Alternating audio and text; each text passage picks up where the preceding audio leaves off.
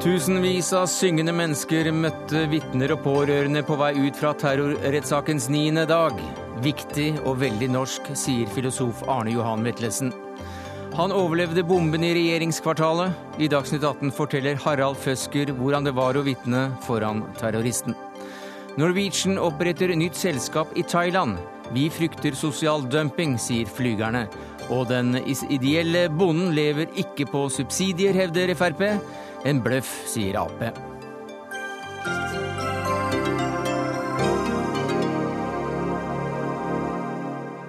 Ja, det er noen av sakene i Dagsnytt 18 denne torsdagen. Men først altså da til denne, denne markeringen av Ja, hva var det egentlig en markering av, Lill Anne Jønnevåg? Du var initiativtaker. Eh, det, var en markering for å ta tilbake Vi liker å si det at vi vil ta tilbake sangen. Som fikk en betydning som gjør at vi følte at den blei litt tråkka på, altså.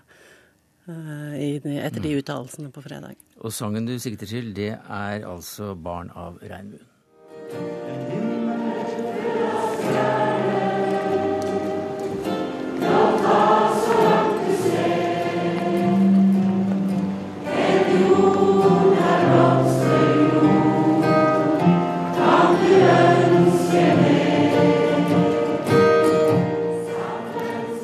Lillebjørn Nilsen var en av de 40 000 menneskene som sang 'Barn av regnbuen' på Youngstorget i Oslo i dag. Sangen runget i byens gater lenge etter at arrangementet offisielt var over.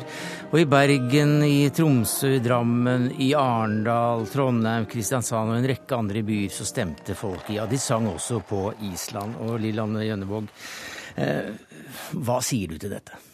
Jeg er nesten tom for ord. Altså, jeg, jeg blir helt målløs. Det, det, det blei så mye større enn det noen hadde forespeila og trodd og våget å håpe på.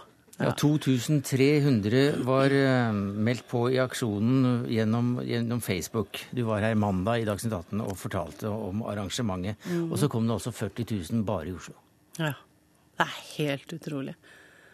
Det var, det var så stort å se at det jeg, tror ikke jeg har tatt det helt innover meg ennå. Dere ville ta tilbake sangen? Mm. Det ville vi. Hvorfor det? Fordi vi mener at den sangen uh, slettes ikke hjernevasker noen. Vi mener at den sangen uh, den handler om uh, den handler om et fargeblindt samfunn. Samhold. Mm. Og det var altså terroristen, massemorderen, som gjorde at dere tok initiativet? Ja. Det var uttalelsen hans som gjorde det. Og han sa at den bl.a. var med på å hjernevaske barn og unge og Ja, og det, det, er en sang som jeg har vokst opp med, som barn i dag vokser opp med, og som vi har liksom tett til hjertet vårt. Så tuller ikke med den. Takk skal du ha, eh, Lillanne Gjønnevåg, initiativtaker til Barn av regnbuen. Etter arrangementet så gikk titusener fra Youngstorget til tinghuset, og da med roser. Harald Føsker, du var i retten. Du vitnet i dag da de sang, men du kom ut av tinghuset. Da var rettssaken over, og du så denne folkemassen kom. Hvordan var det? For meg personlig var dette stort.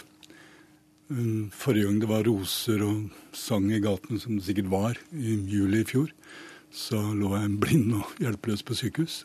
Og det å komme ut i dag, etter å ha vært, eller sittet i retten hele dagen og sett tiltalt og hørt alle vitnemålene, så var det utrolig rørende og kjempeflott. å både høre sangen og se alle menneskene og se alle blomstene.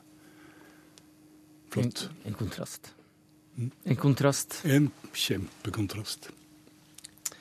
Du vitnet i dag. Du var i eh, Du ble skadet da bomben smalt. Hva var det viktig for deg å si i dag?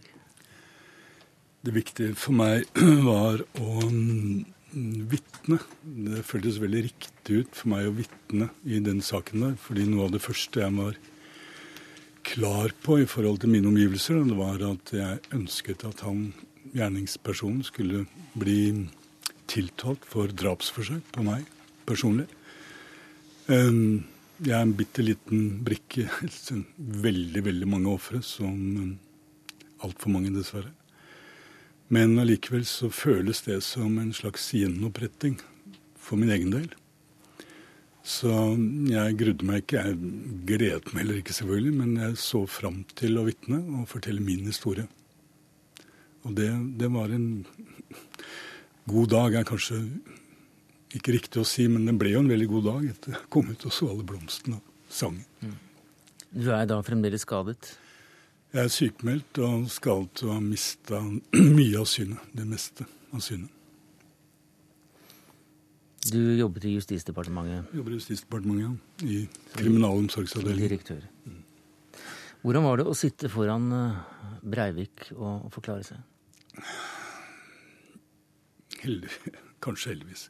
Jeg ser ikke så godt, så jeg så ikke noen Jeg kunne ikke se om det var noe mimikk der. Jeg har forstått at det er det heller ikke.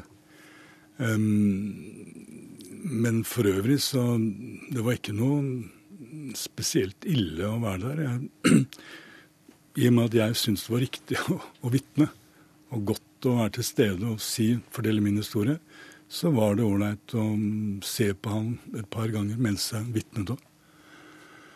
Det er en slags sånn ansvarliggjøring. Jeg skjønner jo at han ikke har det refleksjonsnivået. Mm. Men allikevel, så det var bra. Reporter Haldor Asvald, du satt i rettssalen i dag. Og hvilke andre forklaringer, vitneprov, fortellinger var det vi, vi hørte? Etter at Harald Føsker var ferdig med å fortelle sin historie, så så vi en eh, ung kvinne komme gående mot vitneboksen. Hun eh, gikk tilsynelatende helt normalt. Da hun begynte å snakke, så snakket hun også helt vanlig. Hun virket som en helt vanlig jente. Men da hun begynte å fortelle sin historie, så skjønte vi hva slags eh, grusomme opplevelser hun egentlig bar på. Hun var kvinnelig resepsjonist i regjeringskvartalet, altså i resepsjonen under Høyblokka. Og hun satt syv meter unna bomben da den gikk av. Hun ble funnet på utsiden av resepsjonen etterpå. Hun ble blitt slengt ut av resepsjonen av trykket. Og hvis splintene hadde truffet henne noen millimeter annerledes, så hadde hun blitt drept. Og blant sine kolleger så kalles hun bare for mirakeljenta. Hun sto i dag i vitneboksen og fortalte med glød og et smil rundt munnen om hvordan hun ønsket å komme tilbake til studiene. Hun har fått visket vekk tre års studier med statsvitenskap fra hukommelsen. Hun fortalte at hun, hun satt med ungdomsskolebøker i samfunnskunnskap og leste disse for å, å, lære seg opp igjen og for å komme tilbake til hverdagen. I dag er hun 24 år, mm. og hun leser ungdomsskolebøker. Ja.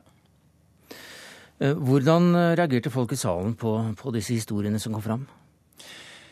Dette er jo menneskene skjebnene, altså livene bak denne kalde statistikken over alle som ble skadet 22.07. Det er sterke historier som gjør inntrykk på mange. Eh, mange pårørende rundt oss i rettssalen eh, gråt. Det var jo også mange av oss journalister som hadde problemer med å holde alle tårene tilbake. Samtidig så er det flere vitner som forteller sine historier med en slags eh, selvironisk distanse noen ganger, en avslappethet, hvor de selv ler litt, og hvor også andre ler litt med dem. Det ble en slags sånn forløsende latter i rettssalen som dempet noe av det trykket fra alt det vonde, alle de vonde historiene som hvilte over seteradene eh, der inne. Så det var en sånn spesiell blanding av, av latter og gråt der inne. Eh, Siv Hallgren, koordinerende bistandsadvokat. Eh, hvorfor er det viktig at vi får disse vitneutsagnene? Det har jo ikke noe å si for selve sakens utfall. Nei, det har ikke det isolert sett for hver enkelt. Men eh, poenget er at under denne saken så skal jo tiltalen bevises. Og for å kunne bevise den, så må retten ha den muntlige eh, muntlige overføringen av bevis, så å si. Og det som da må frem, det er, er, jo de enkelte historiene. Hver av de som har vært der nå i går og i dag, er jo et eget punkt på, i tiltalen. Og dette må bevises, hva som skjedde dem, og hvilke skader de har, og hvordan dette har vært. Er det riktig å utsette eh, klientene dine for dette? Ja, det er jo en belastning, men dette er slik ordningen er i Norge. Og jeg tror det er viktig i andre saker. Så, altså I denne saken så er det jo ikke diskusjon om hva som har skjedd men egentlig. Det er ikke der tvisten egentlig står. Eh, men det er likevel viktig, og det er en del av hele saken, rett og slett. Vi hørte reporter Asvald her fortelle om reaksjoner i, i salen. Hvordan, hva slags tilbakemeldinger har du fått fra dine klienter i dag? Fra mine klienter i dag så var de Jeg er da bistandsadvokat for, for den vi snakket om nå. Og, og, hun og hennes far var til stede, og de var jo veldig lettet over å være ferdig, naturligvis. Og også utslitt, og, og reiste hjem etterpå og andre som du har snakket med. Du, du er jo um, koordinerende bistandsadvokat. Det betyr at har, du, har et, du, har mange å snakke med? Ja, eh, jeg, har jo, jeg er koordinerende bistandsadvokat. Det er jo særlig overfor de andre bistandsadvokatene at det er mm. det som er rollen i det. Og det som har vært tilbakemeldingen i dag, er jo at det har vært en, en, veldig sterk dag, men også, som du var inne på, en, en god dag, på en måte. Hvor eh, vi har fått inn et helt annet menneskelig aspekt, på en måte, rett og slett, enn vi hadde i forrige uke, da vi bare hørte Breiviks forklaringer. Ja, Det med at vi har fått inn et eh, menneskelig aspekt, og at eh, det viser oss eh, at det er mennesker med en styrke, det er noe som går igjen i kommentatorene etter, etter dagen. Og Føsker, hvor, hvor, er det dere da tar deres styrke fra? For dette er jo vitne etter vitne som kommer og står fram og, og vil kjempe seg tilbake til livet. Jeg tror det du satte fingeren på, det helt avgjørende og det viktige vil tilbake til livet. Kjempe seg tilbake til livet. Og, og, og, være glad for at man lever. Det, når du sa det på den måten, her, så følte jeg at det var en riktig beskrivelse. Kommentator i Stavanger Aftenblad, Tom Magnar Hetland. I dag så har altså ofrene begynt sin forklaring, eller de fornærmede, som er jusspråket da. Hvordan har denne dagen vært i forhold til de første åtte dagene? Nei, eh, nå er vi jo tilbake igjen eh, til de som, som dette jo eh, først og fremst handler om. Altså de, de, de mange som har fått sine liv dramatisk forandra.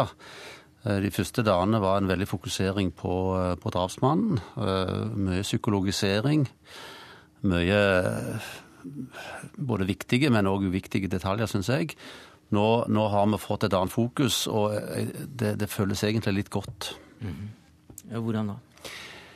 Eh, vi, får en ny påminning om de veldige dimensjonene av denne saken. Det er ikke bare de 77 døde, men, men eh, det er eh, Føsker her og mange andre som, som da må så å si starte livet sitt på nytt. Samtidig så er det ganske imponerende å se den, den, det fraværet av hat og bitterhet som, som de, de, legger for dagen. Det, det, er ganske imponerende. Arne Johan Vetlesen, du er professor i filosofi ved Universitetet i, i Oslo. Det er altså lite hat og aggresjon som kommer til uttrykk? Ja, det er jo flere, ikke minst i utlandet, som følger rettssaken, som har påpekt dette og finner det veldig slående. Og vil tro at eh, det hadde vært mer sinne, åpent vist sinne, om dette hadde foregått i England eller eh, Frankrike eller USA etter et tilsvarende tilfelle. Det vet vi jo strengt tatt ikke, for vi har ikke et helt sammenlignbart tilfelle. Men jeg tror det er noe i dette. og man kan jo kanskje også spørre om, om, om det bare er av det gode, eller om det også kanskje forteller noe annet som i hvert fall fortjener å analyseres litt. Så kan det være en slags aggresjonshemning, eller at man, man pålegger seg å være rolig og disiplinert. Eh, selvfølgelig da inne i rettslokalet er jo det viktig.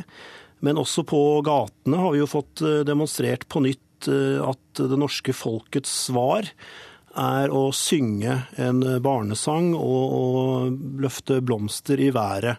Fått bekreftet ganske spontant, overveldende, enda en gang, akkurat som rett etter 22. juli.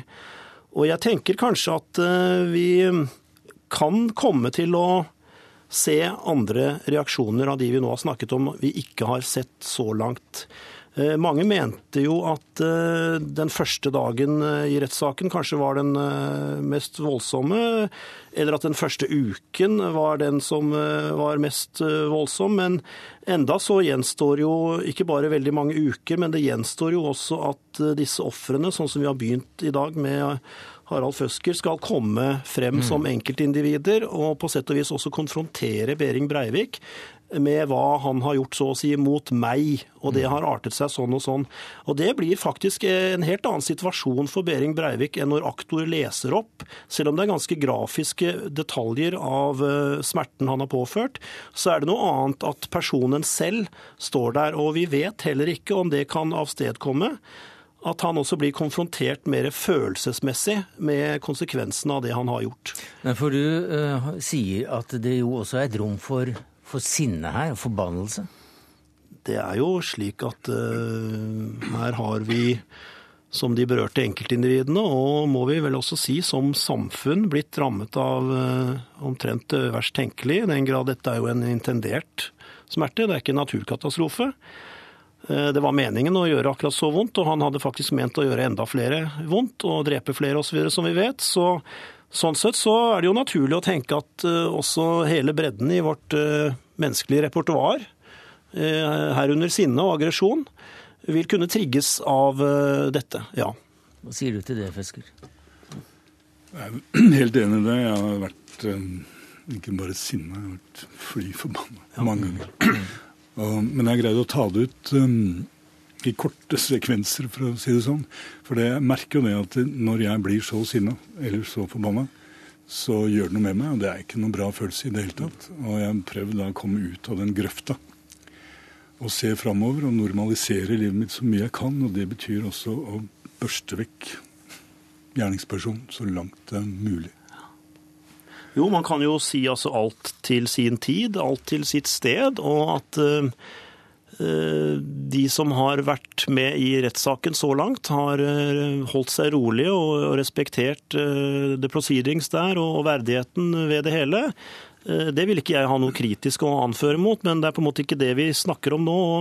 Det kan jo være som Føske sier, at svært mange av de direkte berørte da har eh, følt på et sinne og tatt ut et sinne i det private rom. Og når de stiger frem i det offentlige, så, så, er det ikke det de vil vise frem. Og det kan jo også være noe med å Altså, Hvor mye skal denne gjerningsmannen eh, bestemme?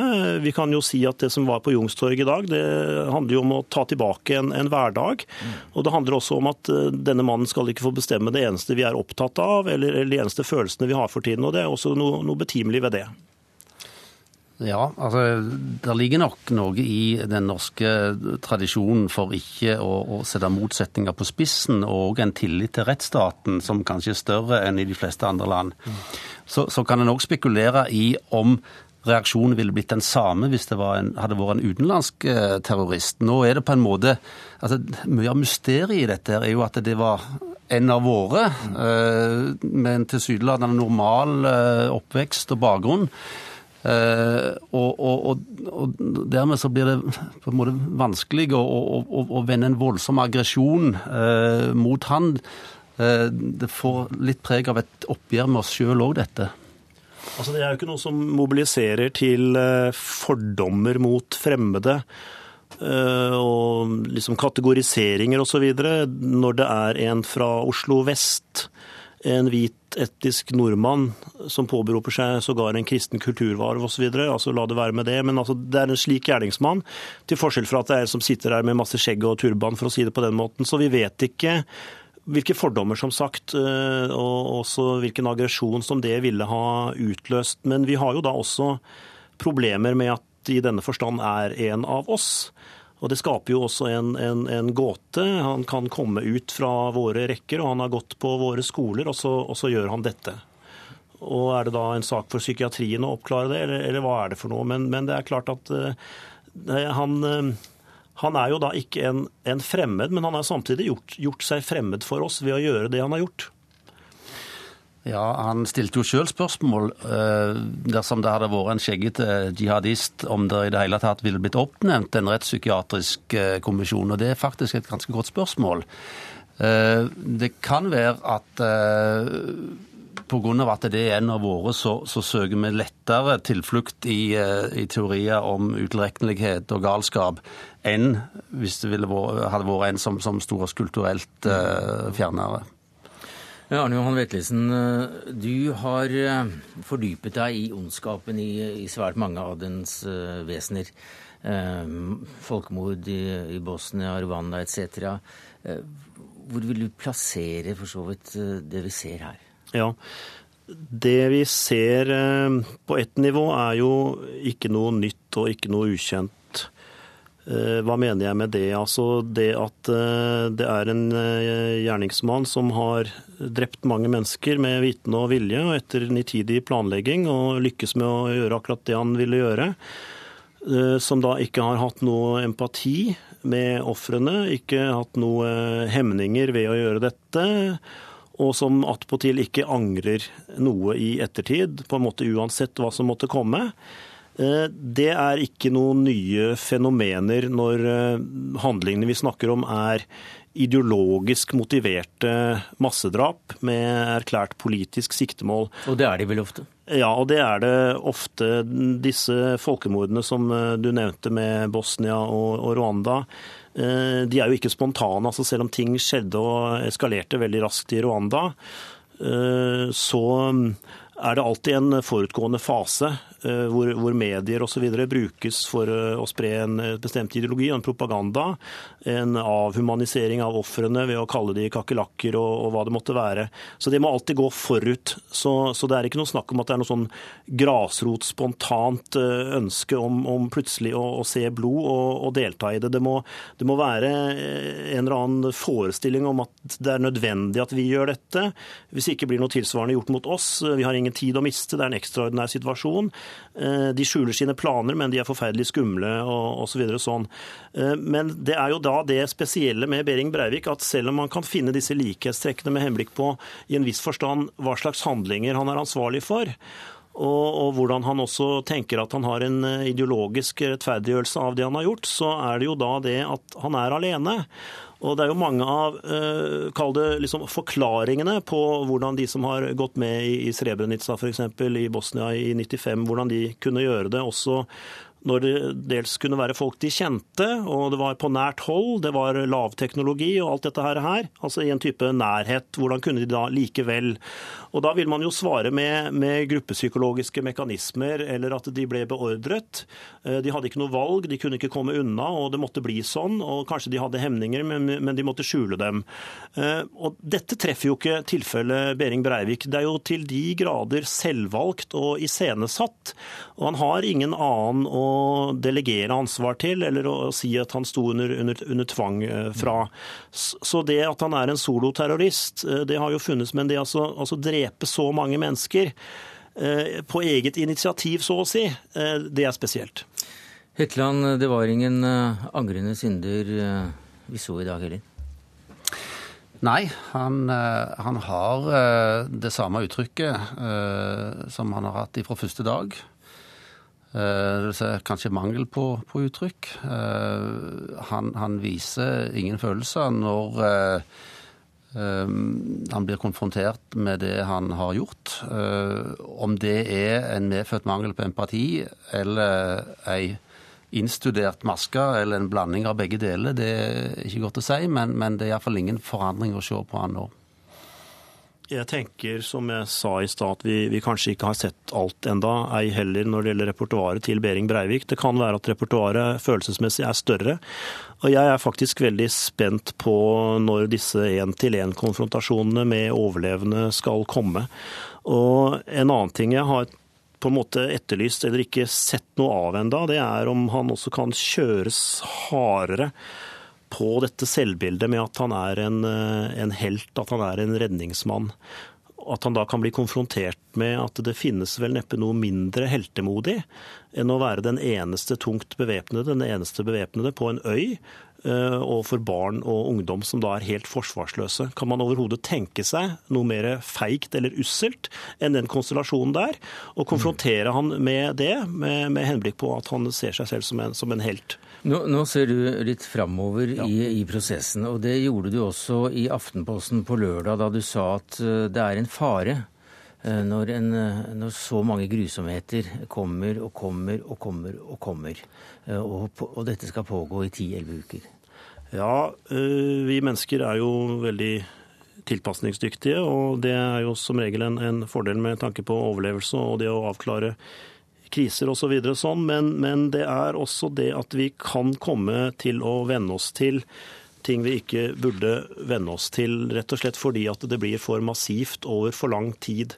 Så det er en viss fare rent psykologisk for en slags vanliggjøring, om du vil, som, som også tar noe av, av brodden ved dette. Eh, vi kan miste litt empati. Den, den, blir slipt ned, for vi blir på en måte overeksponert.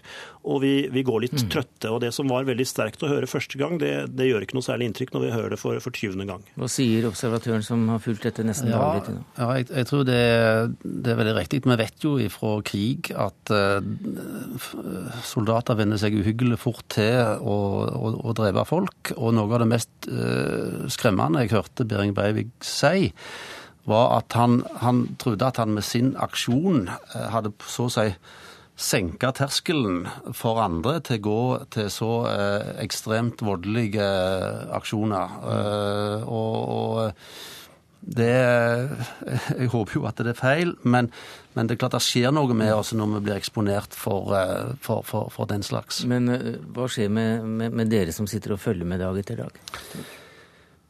Ja, altså Det er jo på samme måte som, som med leger og ambulansefolk. Det er jo en profesjonalitet i dette her som gjør at du, du, du trener deg til å ha en viss distanse. Men, men, det går jo inn på oss. Det er jo ikke, det er jo ikke tvil om det. Det har jo vært det har vært sekvenser her som, har vært vondt å sitte og høre på. 40 000 i en forholdsvis spontan aksjon i en allsang med Lillebjørn Nilsen på Youngstorget og i en mengde andre byer i Norge. En, en voldsom mobilisering som, som tilsier eh, empati og at opinionen er med her. Det er riktig. Det, det, det viser at eh, de samme følelsene og, og ønsket om å reagere kan vi si, med, med, kjærlighet og roser og sang overfor og for eh, hatbudskapet og ideologien til Behring Breivik, det står ved lag akkurat like mye nå, ni måneder etter eh, udåden.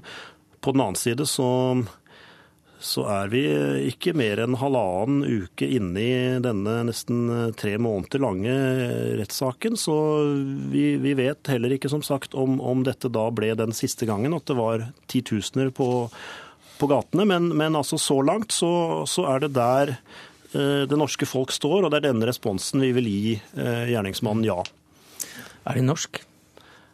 Jeg tror det er veldig norsk. Det er det er selvfølgelig en situasjon som vi heller ikke har noen tidligere eksempler på i, i Norge. Så det er, det er, ikke sånn sett noen, noen tradisjon liksom, som vi kontinuerer eller, eller, drar veksler på. Eh, men eh, også, altså det er en linje fra de første uttalelsene til statsministeren om, om morgenen lørdag 23. eh, som er gjentatt gang etter gang, og, og, det som vi så på Youngstorget i dag, at så å si den politiske ledelsen og, og Per og, og Ola Kari står sammen om, mm. om, at det er denne responsen vi vil gi, og vi, vi kjenner oss igjen som norske i å gi denne responsen. Ja. Harald Føsker, direktør i Justisdepartementet, sykemeldt. Eh, et vitne, en overlevende. Eh, vi har spurt om ikke du kunne sitte her helt til slutten av denne sekvensen, som vi altså slutter der vi begynte, nemlig med, med denne allsangen. For eh, vi, er, vi lurer egentlig på hvordan det er å være et, et offer, en fornærmed, og sitte og høre på analyser av det som har skjedd. Det er å høre på mine to kollegaer nå, det er jo en måte å distansere meg litt. Fordi at nå kommer vi jo på et kanskje et vitenskapelig plan og diskuterer da ulike holdninger og uttrykk for holdninger. Jeg representerer Justisdepartementet. Jeg representerer ikke Justisdepartementet, jeg jobber i Justisdepartementet, så jeg kan ikke uttale meg noen ting om akkurat de sakene. Men eh, jeg er veldig glad for å høre på dere, og det hjelper meg. Takk skal du ha, Harald Føsker, direktør i Justisdepartementet. Eh, takk til Arne Johan Vetlesen, professor i filosofi ved Universitetet i Oslo, og til deg, Tom Magnar Hetland, kommentator i Stavanger Aftenblad. Dagsnytt 18 alle hverdager klokka 18.03 på NRK P2. Ja, Tom Kristiansen, kollega, utenriksmedarbeider her i, eh, i, eh, NRK. Eh, før vi går over til det vi skal snakke om, nemlig en som ble dømt i dag i Haag, så jeg har lyst til å spørre deg litt om denne saken nå. For du har sittet og vært så å si NRKs stemme når internasjonale TV- og radiostasjoner har ringt for å få en slags kommentar. Og du er daglig på Skype eller på, på TV i utlandet. I ettermiddag så skal du på BBC. Eh, hva er det de er mest interessert i? Vi snakket jo her med Vetlesen og, og, og andre kollegaer her med, om, om, eh, om, det norske. Mer og mer eh, blir Norge sett på som et eksotisk land. Hvor det skjer ting her som ikke skjer andre steder, men som vi tar for, for, for gitt. Og denne hendelsen i dag med Lillebjørn Nilsen eh, som allsangleder på Youngstorget for 40 000 mennesker Jeg har fått masse henvendelser i dag som går akkurat på det der. At det er noe som altså har beveget journalister over hele verden. Og bildene derfra går over hele verden. Så det er det de gjør. Det er ingen som står med knytta hender og hevet eh, langfinger, men de går altså rundt med roser og fester det på gjerdet foran eh, tinghuset. Det er helt utrolig. Det som skjer inne, er jo enda mer uvirkelig for internasjonale journalister. Hvorfor får han fem dager til å forklare seg? Kunne, man ikke bare avviklet hele rettssaken på tre dager? Det kan da ikke være nødvendig. Han har tilstått, og skyldspørsmålet er klart. Men at han får forklare seg, og at det er en rett han skal ha, synes mange er litt i overkant. Og at aktor håndhilste på den første dagen, er på en måte hinsides alt man har sett. Også bekledningen. Ja, han burde jo være i oransje fangedrakt. Russere og italienere sier han burde vel vært i et bur. Mm. Og at han sitter der som en som alle andre, er eh, eh litt støtende, er det en del journalister som syns at det er. Vi skal til Liberia. eller Det er også da denne tidligere presidenten Charles Taylor som er funnet skyldig i eh, krigsforbrytelser i nabolandet Sierra Leone under den ti år lange borgerkrigen. Hva er det Taylor da er funnet skyldig i? Ja, og her blir liksom perspektivene helt rare. For nå snakker vi ikke om en ettermiddag på Utøya, vi snakker om ti år. Med drap, som jo er en del av krigen, men her dreier det seg om avrettelse av eh, folk. Det dreier seg om kvinner som er kledd naken på offentlig sted og blitt voldtatt av en gruppe menn. Eh, I tiltalen under opplesningen så hørte vi om, om altså disse geriljasoldatene som satt og eh, trakk lodd, eller som satt og vedda om den gravide kona hadde en gutt eller jente i magen. Og så sjekka de det med en kniv. Eh, avkutting av hender. Avkutting av kjønnsorganer. Eh, smågutter blir gjort til barnesoldater. Småjenter blir gjort til sexslaver. Intet av dette har han begått selv, men han altså er dømt for medvirkning til det. Ja, For han er da altså ikke anklaget for uh, folkemord i sitt eget land, men i nabolandet? Ja, i, i, det var 200 000 som gikk med i Liberia når han rykket fram. Det er han ikke, det er han ikke stevna for, eller dømt for. Men det var i nabolandet Sierra Leone. Og det som skjedde var Charles Taylor, presidenten, han kunne til geriljaen i nabolandet levere våpen, sambandsutstyr, medisinsk utstyr, ammunisjon, og i betaling fikk han rådiamanter, bloddiamanter, som han kunne selge videre.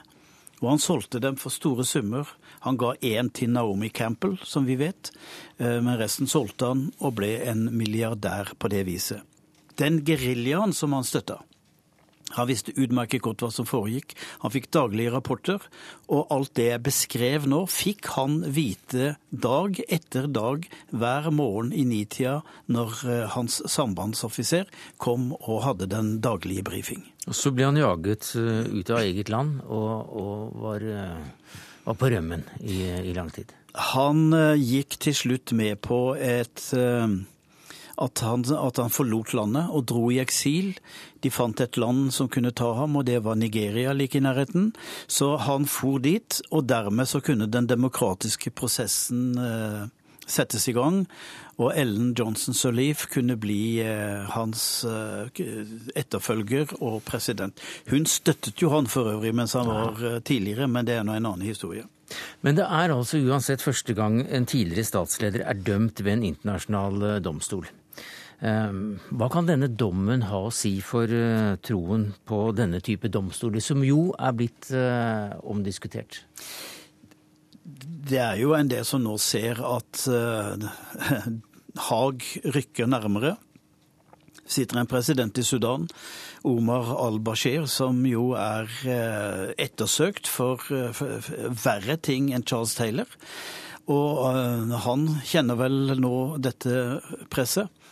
Eh, det signalet en del statsledere har fått i tvilsomme regimer, det er at det går greit så lenge du sitter ved makten, men så fort et eller annet skjer og du er ute av presidentpalasset, så kan du bli tatt. Det nytter ikke lenger å, å, flykte til et annet land, fordi disse internasjonale domstolene de vil nå deg der. Men hva kan det da Eller noe av kritikken som er kommet mot disse domstolene, er jo at eh, det kan forlenge konflikter ved at, oh ja. Eh, ved at eh, verstinger rundt omkring sier at nei, jeg overgir meg i hvert fall ikke, for da blir jeg sendt til Haag. Ja, det beste eksempelet er i Uganda, hvor Joseph Kony, lederen for Herrens motstandshær, deltok i fredsforhandlinger, var villig til å undertegne fredsavtalen og avslutte den konflikten som har tatt mange liv. Ehm, men hans krav var at han ble strøket fra lista til eh, Den internasjonale straffedomstolen. Ingenting skjedde, og dermed så fortsatte han. Han er fortsatt i bushen og lager eh, helvete i, i Den sentralafrikanske republikk, i Sudan, i eh, sitt eget land, ikke så mye nå lenger, og i Kongo. Denne rettssaken har tatt omtrent fem år. Kan du tenke deg hvordan det er å føre Det er svære ting det dreier seg om, og hvem skal vitne? Jo, noen mennesker som har sett noe inne i noen fjerne landsbyer i Sierra Leone. Det skal være videoopptak, dommeravhør på det viset. Eh, noen skal fraktes til Haag. Det blir dyrt, det er vanskelig, det tar lang tid. Og du må føre beviser i en sånn sak. Her tok det fem år. Charles Taylor avviser jo hele dommen. Han sier at uh, dette er vitner de har kjøpt, dette er en konspirasjon. Uh, men det sier litt om hvor vanskelig dette er. Og akkurat det samme har du i Darfur for, uh, og i Herrens motstandshær og andre steder. Hva er det som skjer med, med Taylor nå? Nå skal han sitte og vente på dommen. Når kommer den? Ut, altså, hvor mange år han får, den kommer i, helt til slutten av mai. Eh, strafferammen er 30 år. Det kan godt være han får lavere straff enn 30 år, men eh, han er jo 64 allerede, så eh, han kommer vel neppe ut på, i åpent lende. Britene har sagt at de er villige til å ta Charles Taylor, og har innrettet en celle hvor han skal få oppholde seg resten av livet. Takk skal du ha, utenriksmedarbeider i NRK, Tom Christiansen.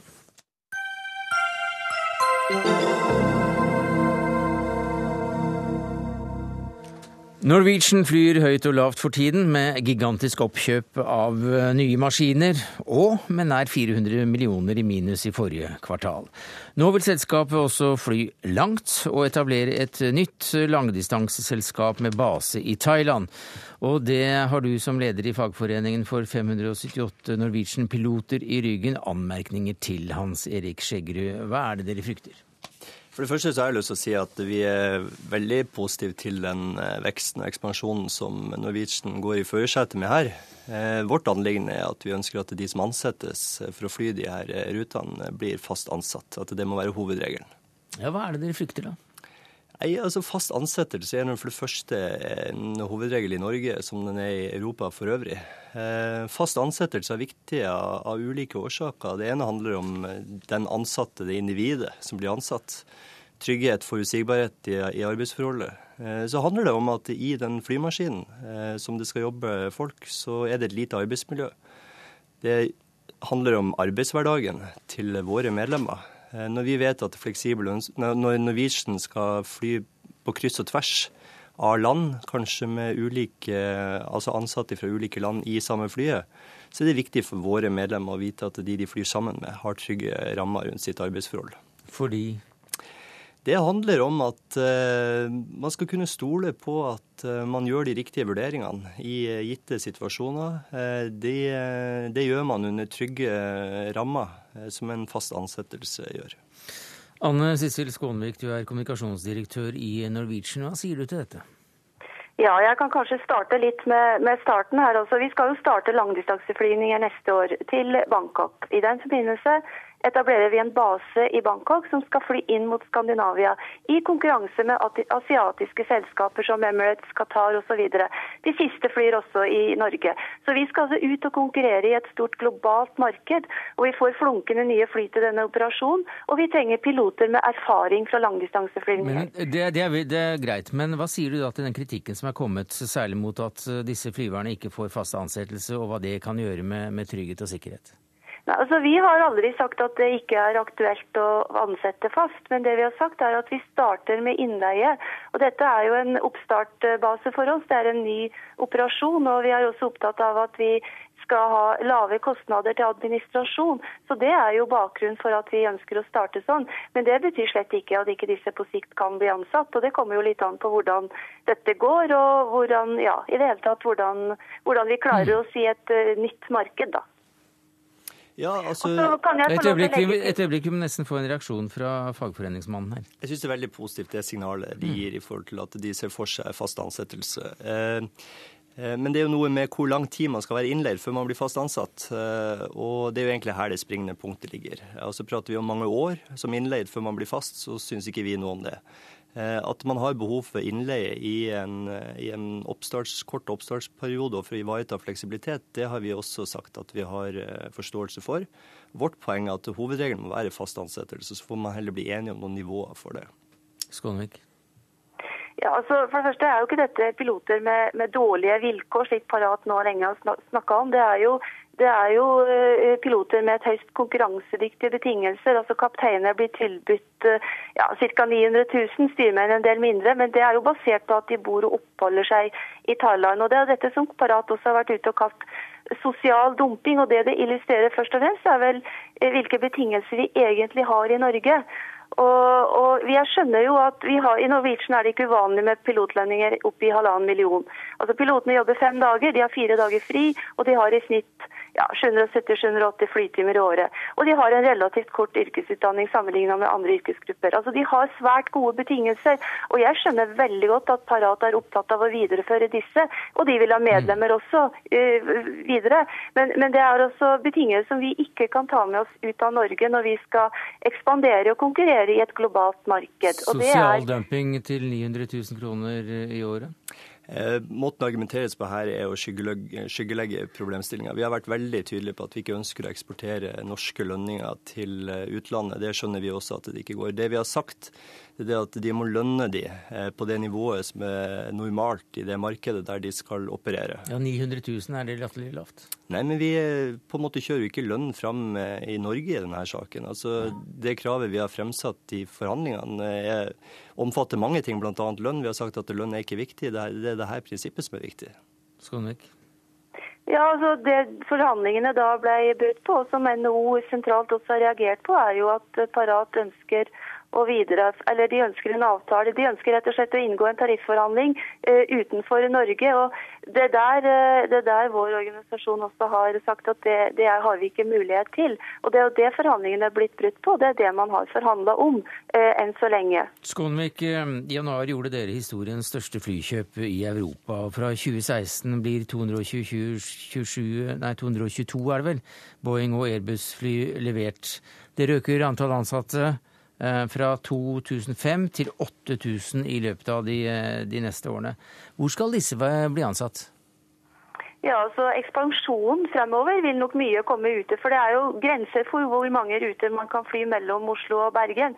Så det er klart at Vi har jo sagt at vi kommer til å vokse ute. Og det er den aller, aller beste måten å trygge også norske arbeidsplasser på. Det er jo at vi er et uh, levedyktig selskap i vekst. Og, og det er, burde kanskje også våre motparter her eh, får med seg. For det er jo det som er hele bakgrunnen. Vi ønsker jo trygge arbeidsplasser, og vi ønsker å vokse og ekspandere. Og det er den måten vi ønsker å gjøre det på. Da må vi altså ha kontroll på kostnadene våre. Og da, leie- og, da, og da må dere leie inn folk, og ikke nødvendigvis gi dem fast ansettelse. Det er det du sier. Ja, det er jo en blanding, da. Vi sier nå at vi eh, starter med innleie, men vi har aldri sagt at det ikke er aktuelt med fast ansettelser hvis eh, dette går bra og vi blir eh, større og sterkere i et globalt marked. Eh, Frode Steen, du er professor ved Norges handelshøyskole, og du kan mye om, eh, om fly og, og luftfart. Norwegian går også nesten 400 millioner i underskudd, viser kvartalsrapporten de la fram i dag. Samtidig satser de stort på langdistanse, og i januar gjorde de altså historiens største flykjøp eh, i Europa. Hvordan står det til med selskapet? Jeg tror egentlig det står ganske så bra til med Norwegian. Poenget er at de har Nå er det jo sånn Norwegian tjener det meste av pengene sine på, i sommersesongen, så det er ikke første gangen de har satt den type tall. Eh, Men, eh, men det er klart at det som er interessant, det er jo det vi ser, er jo det jeg kaller voksesmerter. Altså, nå, nå ser vi at vi ekspanderer mer og mer, og vi eh, ser at man får de typiske problemene som mer etablerte selskaper får, med diskusjon med fagforening om betingelser, om, eh, om lønn osv. Nå kanskje ikke at det først og fremst om lønn, men jeg synes på en måte det blir òg å skyggelegge diskusjonen. For jeg er ganske sikker på at eh, spør vi Norwegian, så koster det noe mer å ha fast ansatt enn bare lønn. Ja, annet eh, da administrasjonen. Men de satser altså nå stort i et langdistansemarked. Hvor lurt er det? Det tror jeg veldig mange sitter rundt og er veldig spent på. Det som er spesielt med langdistanse, er at en del av de kostnadsfordelene som lavprisselskap har, de er vanskelig å ta med seg videre i, eh, på, lang, på langdistanse. F.eks. dette med turnaround-tid og den type ting. Da må man være bedre på de andre faktorene, og da må man være bedre enn de selskapene som allerede før. Og Det ser man ikke, jeg ikke bort fra at de kan få til, men det forutsetter jo bl.a. at de har konkurransedyktig lønn. Det forutsetter at de har nye fly, hvilket de får. Og det forutsetter at de har mating, dvs. Si at man har et nettverk å mate inn til, eh, til flyene med. Og det har jo for så vidt Norwegian. Det som er kanskje litt mer spennende, synes jeg, det er jo det at Norwegian stiller uten noe alliansepartner og den type ting. Så jeg er jo spent på hvordan de skal få markedet til å fungere i andre enden, for det sånn. Ja, De har altså ikke noen allianse å støtte seg til. Hvordan har dere tenkt å ordne det, Skånvik? Ja, nå har jo vi et ganske godt etablert rutenett i Europa, da. Men uh, allianser er jo også noe som drar opp kostnadene. Og det er jo det vi skal kjempe mot hele tiden. Vi skal ikke uh, sette i gang med ordninger som gjør at vi får økte kostnader. Og Det kan sikkert uh, Sten også bekrefte at det er en av de faktorene som vil kunne føre til, til høyere kostnader for et selskap. Sten? Ja, nei, det er helt oppført riktig. Men samtidig er, vel også, er vi vel òg enige om at det genererer en del etterspørsel. og Det som er utfordringen her, er vel ikke for så vidt hvor mange man flyr i Europa, men hvor mange man flyr inn fra Asia og lignende. Men blir dette her et, et, vanlig mønster, dette som Norwegian gjør nå? Å sette ut for så vidt deler av virksomheten til andre land? Beholde navnet, en slags paraplyorganisasjon, men bygge opp en, en annen organisasjon i, i land der arbeidskraften er billigere? Ja, altså for å si Det sånn, det som er problemet tror jeg at med f.eks. fast ansettelse her, er jo det selvfølgelig at det er ikke lett over tid å ha veldig ulik lønnsstruktur med fast ansettelse innenfor samme selskap. Og skandinavisk lønnsnivå det er altfor høyt til å drive effektivt nedover i Europa og videre nedover i Asia. Det, sånn er det bare.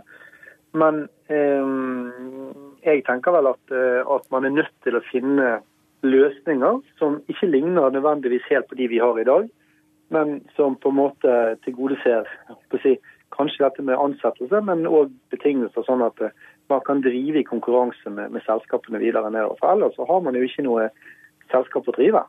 Skjeggerud. Jeg har lyst til å kommentere det her med, med kostnader. fordi at, Jeg bare lyst til å gjenta det jeg sa i stad. Altså, vi, vi, ønsker ikke å eksportere norske lønnsvilkår. Vi skjønner at det må være annerledes ute.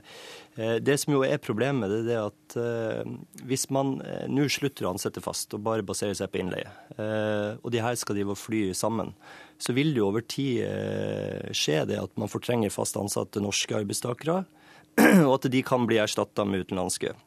Det kan jo ikke være ønskelig. Det eneste som blir igjen av Norwegian da, det er jo haletippen med norske helter. Og jeg kan ikke skjønne at heller Norwegian ønsker den utviklinga. Og så skjønner jeg heller ikke at ikke Norwegian Jeg tror vi kan høre med en gang. Skånvik, hva sier du til det? Nei, dette er jo eh, egentlig litt feil, fordi dette er jo ny vekst nye markeder. Og vi har jo tilbudt våre piloter en produksjonsgaranti som skal gi, gi de trygghet for at det er ingen som skal miste jobben til fordel for andre. Så det, det vet jo Parat veldig godt at det har vi gjort. Og det er jo nettopp for å, for å gi den tryggheten som man da ønsker. Vi begynner å nærme oss slutten her, Skånvik, men eh, Ryanair eh, går jo ganske bra. Er det et eh, forbilde når det gjelder, hva gjelder økonomisk modell? Ja, så Ryanair er et uh, godt selskap i den forstand at de har uh, veldig effektiv organisasjon. Og det må vi bare uh, se i øynene at det er noen av de som vi møter og må konkurrere med. Og der er det ikke mange fast ansatte piloter? Nei, nå jeg vet ikke jeg eksakt hvordan de gjør det hos Ryanair. De Men, vel eh, inn? det, ja, vi har fått en del fra Ryanair nå som, som har vært innleiepiloter. Det er riktig. Takk skal du ha, Anne Sissel Skånvik, kommunikasjonsdirektør i Norwegian, Frode Steen, professor ved Norges handelshøyskole, og til deg her i studio, Hans Erik Skjeggerud, leder av fagforeningen Parat. Vi hadde også invitert Bjørn Kjos, men han uttalte også følgende det er ikke gøy å drive flyselskap om vinteren, så da er det vel greit å lande i Thailand.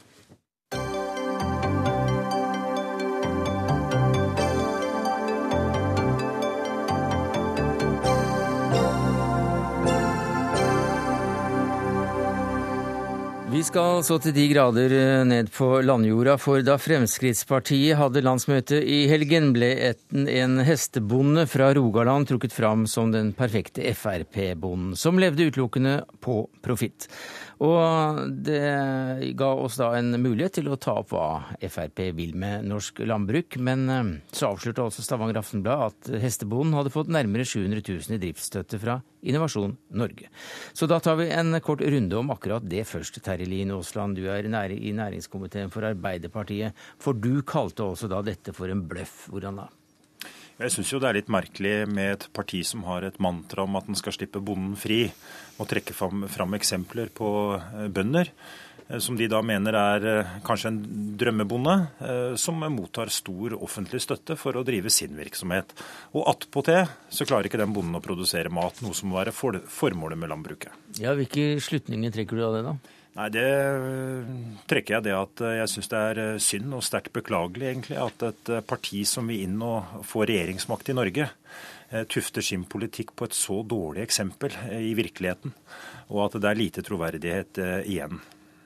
Torgeir Trældal, du er landbrukspolitisk talsmann for Frp. Du sitter i samme næringskomité som Aasland. Hva sier du til det? For det første så er jo eh, det her tatt ut at eh, en person i Fremskrittspartiet som holdt et innlegg og gjorde det. Fremskrittspartiet har jo ikke fremma det her som bonden i Fremskrittspartiet. Det er jo det media har gjort. det. Så det, det syns jeg bare blir bare tull. Så dere har ikke trukket fram denne personen eh, som et eksempel til etterfølgelse, som utelukkende levde av profitt? Nei, det som jeg registrerte at hun holdt et, eh, et innlegg, flammende innlegg på landsmøtet, så fikk hun en del mediekjøp på det. Nå, for Fremskrittspartiet sin del, jeg sitter selv som leder av, eh, av eh, si, programmet og måten vi som skal lede komiteen til å se på politikken i Fremskrittspartiet. Og vi har ikke den bonden med der, og vi har den ikke på den Nei, vi har ikke bonden med her heller, så vi, så vi lar den eh, saken ligge. Men også til FrPs eh, politikk på, på området. Hva er det dere skal bidra med når, når du en gang da blir landbruksminister i en Høyre-Frp-regjering? Altså Vi ønsker jo et, et annet måte landbrukspolitikk i dag. Eh, Går vi og ser på den rød-grønne regjeringas landbrukspolitikk i dag på fakta, så har vi i dag 1000 eh, eh, eh, eh, jordbruk, og gårdsbruk blir lagt ned hvert år. Men I tillegg til det så, så tjener altså også bøndene i Norge eh, 30% mindre enn EU. Eh, Og det gjør de med alt det tilskuddet vi gjør. Så du vil også ha flere, flere gårdsbruk og høyere lønn til bøndene? Det vi ønsker, vi ønsker å eh, slippe bonden fri. Vi ønsker å la bonden eh, få bestemme sin egen produksjon sjøl, og, og dermed å å kunne klare å få opp lønna si. I dag er problemet i dag at vi har jo bare 14% av bøndene i dag eh, lever av å være bonde i dag. Og Det sier jo litt om eh, at det, det går ikke an å leve og være bonde med den regjeringa som eh, Arbeiderpartiet står for. Jeg tror nok de fleste som driver eh, landbruk i dag, og ikke minst jordbruket, lever av det. Men de har tilleggsinntekter, og det er nødvendig fordi at eh, mulighetene for de store inntektene er forholdsvis eh, små i Norge. Og Samtidig så ønsker vi å ha et landbruk over hele landet. Men han vil også da, eller Frp vil også da slippe bonden fri? Ja, og det er en sånn forenkling av politikken. Og det er jo det Fremskrittspartiet prøver på på område på område. Og den forenklingen eh, som de legger opp til, det er jo altså eh, å, å avregulere landbruket. Sørge for at eh, jordbruksforhandlingene opphører, og samtidig fjerne den offentlige støtta. Det betyr i praksis at en ikke har noe landbruk igjen i Norge. Så at når Fremskrittspartiet snakker om bønder, så er det i hvert fall ikke bønder i Norge de snakker om. Nei, det, er jo, det er jo bare tull. Altså, når du ser at si, det legges ned 1000 eh, eh, gårdsbruk i året, og man ser den politikken det drives på På vår politikk så ønsker vi å, å, å deregulere, som, som, også Aasland sier. Vi ønsker å la bonden sjøl produsere og bestemme produksjonen det han skal gjøre. Ta et eksempel. Eh, hvis du skulle starte opp som, som baker, og så sa regjeringa det at ja, du får bare lov å, å, bake 20 brød, og du får bare 10 kroner betalt for det brødet. Da kan du ikke leve av det. Og Det er jo det begrunnelsen er, og det er derfor vi ser òg, sånn som politikken i dag, at det er kun 14% som klarer å leve av, av det her. Nå skal du ikke rette bonde for baker, men allikevel, altså, bildet er jo talende. Eh, hvis vi da slipper reguleringer, så skal folk få lov å faktisk produsere så mye de vil. Ja, De kan jo produsere så mye de vil på helt marginale områder uten støtte, eh, og så kunne sette resultat av det. Logikken og alt tyder på at da vil en ende opp med eh, noen kanskje store gårdsbruk igjen på de mest sentrale, beste jordbruksarealene i Norge. Vil si det sentrale østlandsområdet. det dvs. Si litt rundt Trondheim og på Jæren. Der kunne det vært kanskje noen få bønder igjen med Fremskrittspartiets politikk. Ja, Det er jo bare, er bare tull. Altså, vi ser jo i dag at eh, politikken fungerer jo ikke i dag. Eh, når, når, vi ser den reduksjonen det er, og vi ser den, det fallet det er. Men, men det, har vi, det, har vi, fått med oss at, ja, at du mener. Men, men hva skal komme isteden? Det skal komme isteden at vi lar bonden få lov å gjøre det, eh, komme, slippe fri og lov å bestemme sjøl hva han skal gjøre, uten å bli regulert på, på eiendom, og uten at byråkrater I dag så, jo, så er det jo, er det jo så én byråkrat for hver tiende bønder. Det setter altså en byråkrat som antagelig også kommer fra Arbeiderpartiet, som tidligere, til å sitte og fortelle bonden at du skal få lov å bare, bare lov å så, eh, produsere så mye, mye melk, så mye kjøtt og så mye andre ting. Og det går ikke. Og vi ser jo tross alt på det òg er nødt til å faktisk å få hjelp fra Europa, som har et eh, sluppet bonden fri mm. for å få nok smør og andre ting. Det men det, men det skal altså deregulere eh, mye av virksomheten her. Det betyr også f.eks. at en, en, bonde kan eh, legge ut deler av jordbruksarealet til andre sysler, f.eks. golfbaner etc. Ja, hvis det er noe en bonde vil. Mm. Han er selvstendig næringsdrivende, han eier landet sitt sjøl. Mm. Da skal ikke noen fra staten eller byråkrater fortelle han hva han skal gjøre med sin jord. Det er jo konsekvensene. Det blir svært vanskelig å produsere mat i Norge med Fremskrittspartiets politikk. Og de har en drøm om at Norge eh, på en måte har en geografi og topografi hvor himmel og åker går i ett. Det er jo det, det perspektivet de har når de har forma sin landbrukspolitikk. De har ikke sett inn i Norge, sett på de utfordringene vi har med grisgrendte bygder, med, med marginale områder å drive landbruksproduksjon på. Og Derfor ender de opp med et svar som sier at en ikke behøver å ha offentlig oppmerksomhet rundt eh, norsk matproduksjon diskusjon. Og da blir det feil. Det blir feil, og det er en forenkling av politikken som ikke har troverdighet. Og når de ikke engang klarer å vise fram én bonde, eller noen innenfor næringa som mener at de kan frikoble seg fra det systemet vi har i dag, så syns jeg at politikken blir lite troverdig. Det er jo bare tull. for det, Vi har masse bønder eh, som er i Fremskrittspartiet og, og støtter opp, opp om det vi, det vi, har som program. Men hvis vi skulle, gjøre, vi skulle være sånn som Aasland sa, for at Vi ønsker jo en eh, tilpasse oss det europeiske markedet. Så vil det ikke være mat på bordet i Europa. Det vil ikke være en bonde igjen i Europa. Det vil ikke være en bonde igjen i Sverige eller i Finland noen plasser. Men det er det jo. Og de, tross alt er det, er det, eh, flere bønder der enn i Norge, og de har bedre betalt enn de har i Norge. Og det er klart, det er jo av Det er jo dem som sitter med regjeringa. Det er jo dem som sitter og leverer politikken. Og politikken i dag gjør at bondene eh, forsvinner, og man har også problemer på rekruttering. Man har altså en aldersgrense på over 50 år at, på rekruttering. Det er, altså, det er, umulig å ta Norges geografi, topografi og beliggenhet og flytte ned i Europa. Det, liksom, det blir feil når en skal forme en politikk. Det er bønder i Sveits òg? Ja, det er jo det. Men uh, de har et veldig godt støtteapparat i Sveits opp mot f.eks. fruktproduksjonen sin. Men vi må ta utgangspunkt i der vi er og det vi har og de mulighetene vi har, og de er begrensa. Og så er det en stor mm. kvalitet i å bruke landet, høste av ressursene som ligger her, produsere mat, og ikke minst bruke den kreativiteten som er norsk, i, rundt i norsk landbruk. Nå kan vi ikke være mer kreative her i Dagsnytt 18, for denne sendinga er slutt. Takk skal du ha, Terje Lien Aasland, og takk til deg, Torgeir Tredal. Det ansvarlige for det hele var eh, Dag Dørum. Det tekniske ansvaret hadde Lisbeth Sellereite. Jeg heter Sverre Tom Radøy.